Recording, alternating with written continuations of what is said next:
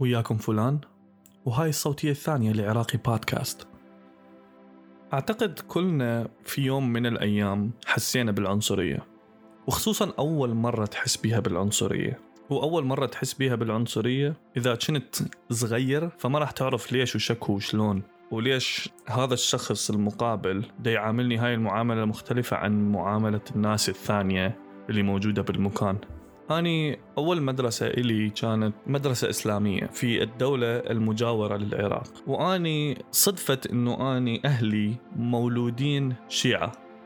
فأني تعلمت الصلاة منهم يعني. المدرسة اللي كنت بيها كان عندهم صلاة الظهر كل يوم لكل الطلاب يصلوها سوية. وكل يوم يخلون طالب من الطلاب يكون الإمام بهاي الصلاة.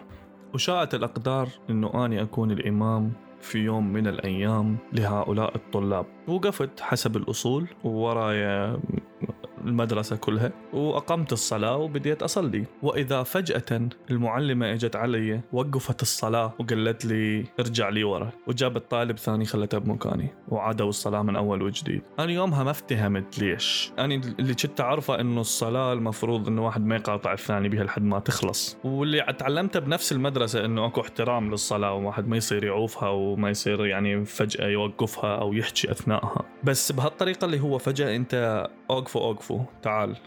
كات تعال غيروا هذا الممثل حطوا واحد ثاني. يلا أكشن اللي لاحظته إنه أني دا أصلي بشكل مختلف عن باقي المدرسة كلها، أنا كنت منزل إيدي والبقية متشتفين، أنا يومها ما حكيت لأحد واعتبرته موقف عادي بالبداية.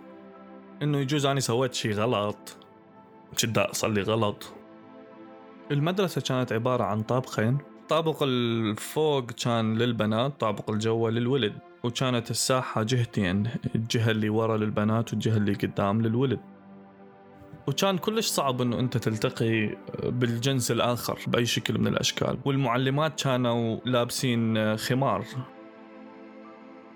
وعلى سيرة الخمار أكو قصة صارت وياي بهاي المدرسة. كنت صف ثالث ابتدائي. كان عندنا طالب كل حصة يقمز ويصيح وما يخلي المعلمة تحكي ويقمز من رحلة لرحلة. بس هو ما كان مؤذي يعني بس كان دائما يضيع الوقت ويلعب. طبعا هذا إذا تيجي تفكر به هذا اسمه اضطراب فرط الحركة. طبعا هذا الشيء ما كانوا يعرفون إنه أكو شيء اسمه اضطراب فرط الحركة بهاي المدرسة. كان فشي اسمه مو متربي ما يعرف يتعامل. المشكلة إنه رد الفعل كان أنا أشوفه من ناحيتي غير صحيح. المدرسة قررت تحل هاي المشكلة بطريقة جهنمية. لأنه كانوا كل مرة يشتكون الاهله وأهله يقولوا لهم ما متخيلين الحجم الكارثة اللي هو دا يسويها بالمدرسة. هي مو كارثة بس كانوا ما يعرفون يتعاملون وياه.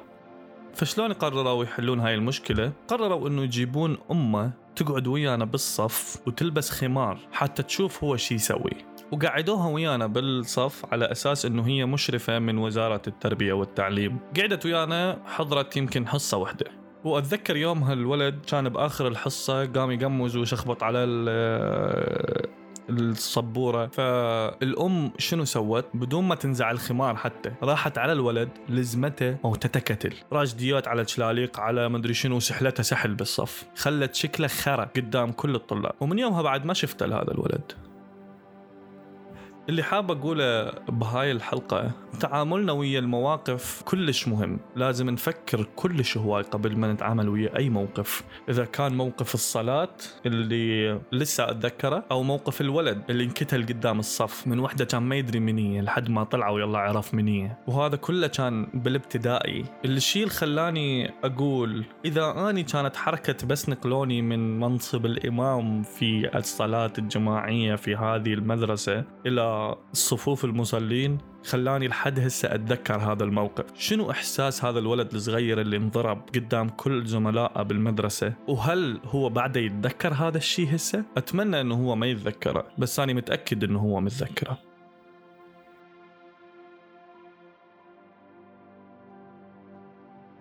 وقبل ما نسوي سبسكرايب لهاي القناة أتمنى نعامل أطفالنا بلطف وما نزرع بيهم الكراهية وما نزرع بيهم العنصرية. إذا أنت عنصري لا تعلم ابنك يكون عنصري. إذا أنت همجي لا تعلم أولادك يصيرون همجيين. اعطيهم مجال. يمكن يعدلون اللي خربتها الأجيال الماضية. يمكن نشوف مستقبل حلو. يمكن.